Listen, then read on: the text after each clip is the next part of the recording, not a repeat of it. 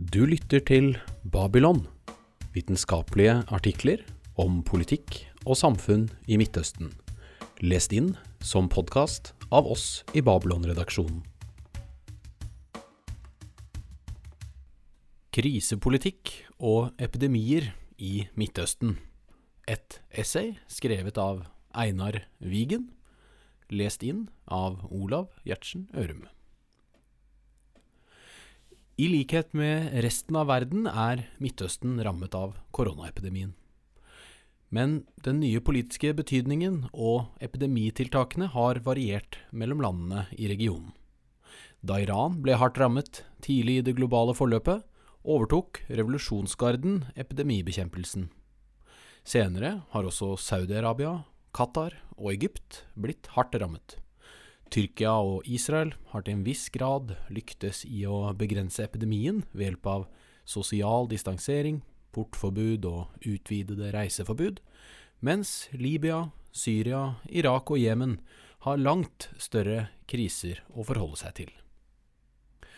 Epidemier er kriser. Kriser snur opp ned på politikken nærmest over natten. Det som synes uviktig i går, blir ikke bare avgjørende i dag, men det haster å få det gjort. Tiltakene som må fattes, er i siste instans politiske, og behovet for rask håndtering av det uventede setter staten under press. Fordi vanlige beslutningsprosesser tar for lang tid å gjennomføre, blir de ofte tilsidesatt. Da fattes beslutninger ofte av enkeltpersoner. Dermed samles mer makt i færre hender, og opportunister kan bruke muligheten til å øke eller konsolidere makten. Slik kan krisehåndteringen skape langsiktige politiske endringer. Kriser øker dessuten etterspørselen etter, og dermed også prestisjen til, en gitt ekspertgruppe. I krig blir offiserene helter. I en epidemi ser ledere og befolkning til legene og folkehelseekspertene. Dette endrer midlertidig maktrelasjonene innad i statsapparatet, og kan potensielt avføde maktkamp dersom andre grupper ser på ekspertene som en trussel. Staten kan også få en annen rolle i befolkningens oppfatning. Der mange borgere i autoritære stater primært ser på staten som en undertrykker og utsuger, blir statens rolle som beskytter viktigere når befolkningen er truet enten det er av fremmede makter, terrorister eller en epidemi som nå.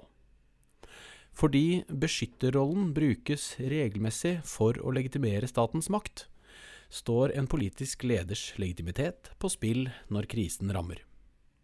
Midtøstens ledere fokuserer som regel bare på de to første i sin propaganda, men de kan ikke fraskrive seg ansvaret når andre farer truer. Slik sett løper alle ledere en risiko gjennom en krise som denne, men risikoen er avhengig av en mengde faktorer. Når epidemien rammer den uforberedte, kommer det krav om kriseledelse. Selv om man har ekspertise, er ekspertkunnskap ofte mangetydig, og i denne tvetydigheten må valgene treffes raskt. Valgene og prioriteringene er politiske avveininger. Jo mer prekær krisen oppfattes som, jo lettere blir det å rope på den sterke mann. Hele poenget med en diktator, i ordets opprinnelige romerske betydning, er å tilsidesette lover og vanlige beslutningsprosesser, og å utpeke en enkeltperson til ubegrenset styre for en begrenset periode for å få det sosiale kollektivet gjennom en krise. Mens enkelte land har unntakstilstand skrevet inn i sin grunnlov, har andre land, slik som Norge, vedtatt en kriselov som er spesifikk for denne epidemien. En epidemi gir med andre ord muligheter for en leder som ønsker å skaffe seg diktatorisk makt. Mye avhenger av andre statsinstitusjoners uavhengighet, styrke og legitimitet. Land i Midtøsten scorer imidlertid lavt på alle disse tre variablene. Landene har dessuten hatt såpass mange kriser, mange av dem av langt mer alvorlig karakter, at de fleste ledere som har ønsket å angripe uavhengige statsinstitusjoner eller å innføre unntakstilstand, allerede har funnet en anledning. Likevel, til tross for at f.eks. Egypt har hatt unntakstilstand størsteparten av de siste 40 årene, har president Sisi benyttet epidemien til å gi seg selv videre fullmakter. Det er mange faktorer som har formet håndteringen av koronaepidemien. Statskapasitet, herunder helsetjenester og folkehelseekspertise, statens legitimitet, befolkningstetthet, andelen fremmedarbeidere og sammenknytningen med verden for øvrig. Stater med store ressurser og god styringsevne har større ambisjoner om hva de forsøker å utrette for og med befolkningen, og ofte møtes de med større forventninger fra sin befolkning. Selv om dette ikke er lett å kildebelegge, er det lite sannsynlig at Jemens befolkning har særlig store forhåpninger til statens epidemihåndtering. Det har også vært stor kulturell variasjon i hvordan befolkninger har forholdt seg til epidemien, og til de statlige tiltakene som har blitt iverksatt, og rundt om i Midtøsten har responsen variert. I Gulflandene har borgerne i det store og hele fulgt lignende anbefalinger som Norge, og isolert seg i hjemmene sine. Men også Qatar og Kuwait har fått høye smittetall. Iran, derimot, var blant de første landene som fikk epidemien, og ser ut til å ha blitt overveldet av den før de fikk iverksatt tiltak. Der har dessuten revolusjonsgarden overtatt koordineringen, ettersom det er de som har ressurser til å håndtere kriser. Det at de er spesialister på helt andre typer kriser, ser ikke ut til å spille større rolle. I mars satte myndighetene i verk planer om å bruke 300 000 soldater til å bekjempe epidemien. Kriser kan forsterke hverandre, men de er også relative. Selv om epidemier er nærmest per definisjon alvorlige for dem som rammes, vil måten både enkeltindivider og samfunnsgrupper forholder seg til dem på, avhenge av deres normalsituasjon. For mange som lever fra hånd til munn, fremstår epidemipreventive inngrep i form av portforbud og nedstenginger som en større trussel mot liv og helse enn risikoen for å bli smittet av viruset. Muligheten til å ta forholdsregler er en form for samfunnsmessig investering, men som alle investeringer kreves det oppofrelse her og nå for å oppnå gevinst, altså mindre smitte, i fremtiden. Og det er rett og slett mange som ikke har råd til dette. F.eks. kan Irans manglende evne til å støtte befolkningen gjennom en lockdown ha vært avgjørende for at de nølte med å innføre strenge tiltak tidlig i forløpet. Ved at man ventet, fikk epidemien langt større omfang og ble potensielt mer kostbar å håndtere. Ekspertise Kriser krever ekspertise. Ekspertkunnskap er i sitt vesen ikke noe flertallet av en befolkning har. Dermed krever politisk bruk av slik kunnskap tillit til staten. Selv om det er en viss regional variasjon, er ikke dette noe Midtøstens stater har et stort overskudd av. Statene har i stor grad rykte på seg for å være en stationary bandit, som den jevne borger gjør lurt i å holde seg unna. Dette er en styringsutfordring fordi det gjør det vanskelig å få folk til frivillig å etterleve statlige pålegg. I en epidemi har imidlertid ekspertkunnskap innen epidemiologi og folkehelse store fordeler fordi det kan gi statsledere verktøy som ikke bare maksimerer ressursutnyttelse, en frisk befolkning er som kjent mer produktiv enn en syk befolkning, men også beskytter elitene mot sykdom. Det er også tydelige individuelle fordeler ved å etterleve godt fundert ekspertkunnskap, nemlig at man øker sannsynligheten for å holde seg smittefri, og kanskje også bli frisk om man får viruset. En velfungerende stat har folkehelseekspertise rede til å håndtere en epidemi.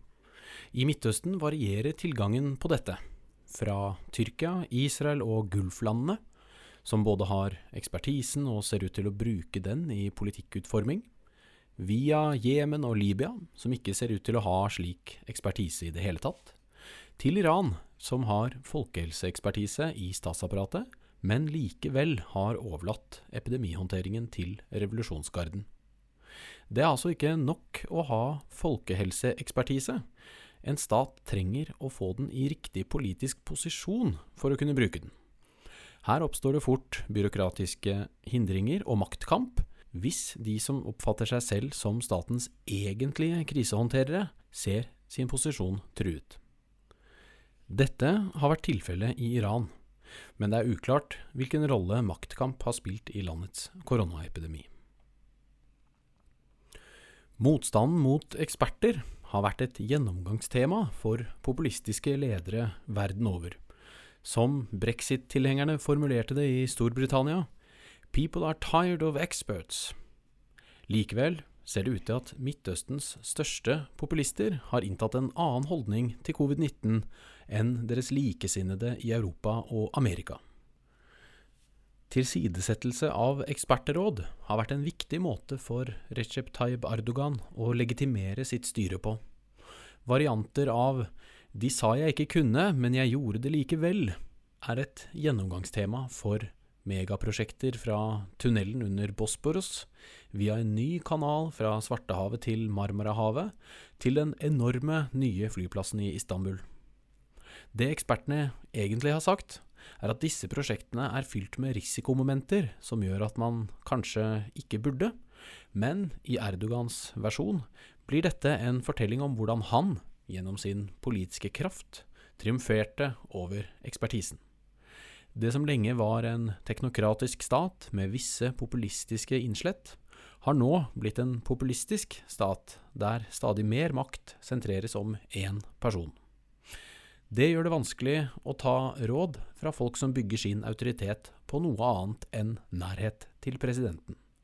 Faktisk omgir ikke president Erdogan seg med særlig mange eksperter i det hele tatt. Få populister gjør det. Deres legitimitet bygger på noe annet enn effektiv bruk av midler i oppnåelse av fellesgoder. Det er noe paradoksalt i hvordan tilliten til statens epidemihåndtering, i det minste i Tyrkia, ser ut til å følge klasse- og utdannelsesnivå. De som nyter godt av den tyrkiske statens tjenester, både formelle og gjennom uformelle nettverk, synes å ha mer tillit til helseministeren og dermed større aksept for inngripende folkehelsetiltak. Selv om opposisjonen kritiserer regjeringen for en rekke av disse tiltakene, følger ikke responsen de sedvanlige skillelinjene mellom dem som støtter Erdogan og dem som ønsker han fjernet fra makten. I motsetning til populistiske ledere i Europa og USA har ikke Erdogan brakt ut den sedvanlige machismoen og patoset som han er kjent for å bruke i krisetid. Snarere fremstår han nærmest statsmannaktig over politikken, uten polariserende utspill, mens helseminister dr. Faretin Kocha nyter godt av den autoriteten hans medisinske ekspertise gir han. Det er interessant å se hvordan den tyrkiske staten i møte med en epidemi fremdeles har sterke teknokratiske islett, og at der Jair Bolsonaro, Donald Trump og Boris Johnson til dels har latterliggjort epidemibekjempelsen og fått store smittefølger, har Erdogans regjering iverksatt tiltak som ligner tiltakene i de fleste europeiske land. Ulikhet Kriser rammer ulikt. Det sies at i møte med et virus stiller vi alle likt, fattige eller rike. Dette stemmer bare sånn passe. Det er en sterk klassedeling i en epidemi. Både sannsynligheten for å få viruset, den fysiske helsen man møter det med, og komforten man lever under mens epidemien pågår, avhenger av ressurser. Men det er ikke bare et spørsmål om velstand. Det handler også om befolkningstetthet. Selv om det er enorme, relativt tynt befolkede deler i de fleste landene i Midtøsten, med unntak av et par Gulfland og Gaza, så bor hoveddelen av befolkningen i relativt trangbodde storbyer.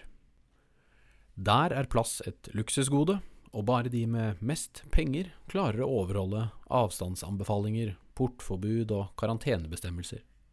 Mens de rikeste kan kjøpe sine egne respiratorer og isolere seg på enorme eiendommer, kan den øvre middelklassen leve komfortabelt med hjemmekontor i sine hus og hager.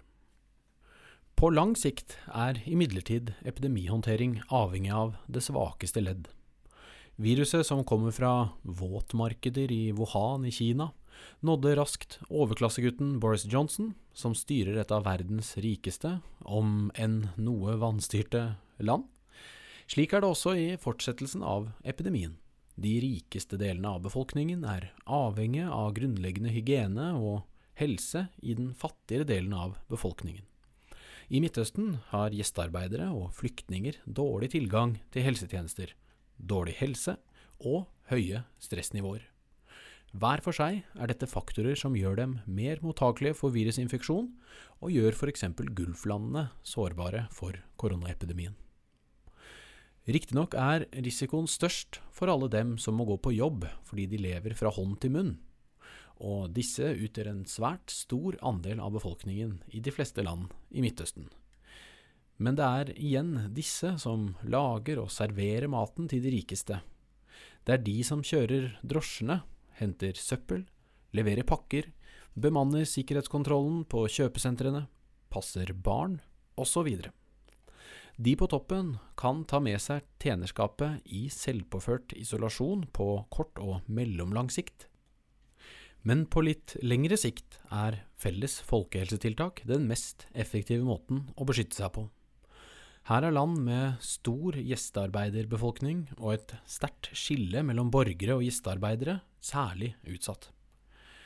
Selv om epidemien kan synes underordnet de kriser som Midtøsten har stått overfor de siste ti år, er det liten tvil om at den rammer de svakeste. Særlig utsatt er flyktningebefolkningen i regionen. FN melder at opp mot 78 millioner mennesker i Midtøsten ikke har tilgang på rent vann og såpe for grunnleggende håndvask. I en epidemi øker dessuten redselen for det fremmede, og assosiasjonen mellom det fremmede fattigdom og mangelen på hygiene møtes i motforestillinger mot kontakt med flyktninger. Og leirene er fulle av flyktninger fra den langt større syriske krisen som har pågått de siste ni årene, og denne økte frykten gjør det ikke lettere å hjelpe dem. Konklusjon Kriser skaper både politiske utfordringer og gir mulighet for vidtrekkende politiske omveltninger, enten disse er tiltenkt eller ikke. De tiltakene som innføres i en krise, er ofte langt mer dyptgripende enn de små justeringene som tas under normale omstendigheter.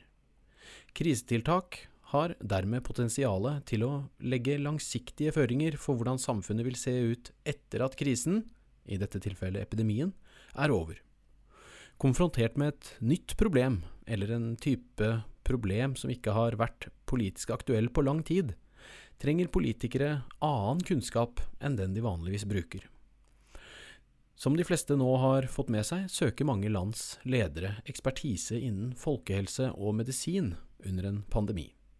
Når gårsdagens planer legges på is og nye tiltak må planlegges på kortest mulig tid, blir planleggingshorisonten helt annerledes. De landene hvor mye makt er samlet i hendene på offiserer, deriblant mange land i Midtøsten, ser ut til å håndtere epidemien på en annen måte enn de landene som har mer sivilt styre. En sivil leder kan i større grad rådføre seg med annen ekspertise, uten at dette utfordrer hans eller hennes legitimitet. Legitimitet er nøkkelen til epidemirespons. For det første krever tiltak tillit fra befolkningen for å kunne gjennomføres. Uten tillit kreves omfattende tvangsmidler. Og for det andre er den biopolitiske påstanden om at samfunnet må beskyttes, selve kjernen i den moderne statens legitimeringspåstand. Om staten ikke lykkes i å fylle denne funksjonen, raser også legitimiteten ganske raskt sammen. Du hørte krisepolitikk og epidemier i Midtøsten, Et essay skrevet av Einar Wigen, lest inn av Olav Gjertsen Ørum. Hvis du vil høre mer fra Babylon, så kan det være lurt å trykke på abonner. Da blir du varslet så fort en ny podkastepisode blir tilgjengelig. Det er også flere måter å få tak i den trykkede utgaven av Babylon, der du vil kunne finne relevante illustrasjoner og fotnoter som har blitt utelatt i lydsporet. Utgaven fås kjøpt i de fleste Narvesen-butikker, eller du kan bli abonnent via nettsida vår på tidsskriftet babylon.no. Da får du tidsskriftet rett hjem i postkassa. I tillegg er alle våre artikler tilgjengelig helt gratis som PDF på nettet. Takk for nå. Vi høres igjen snart.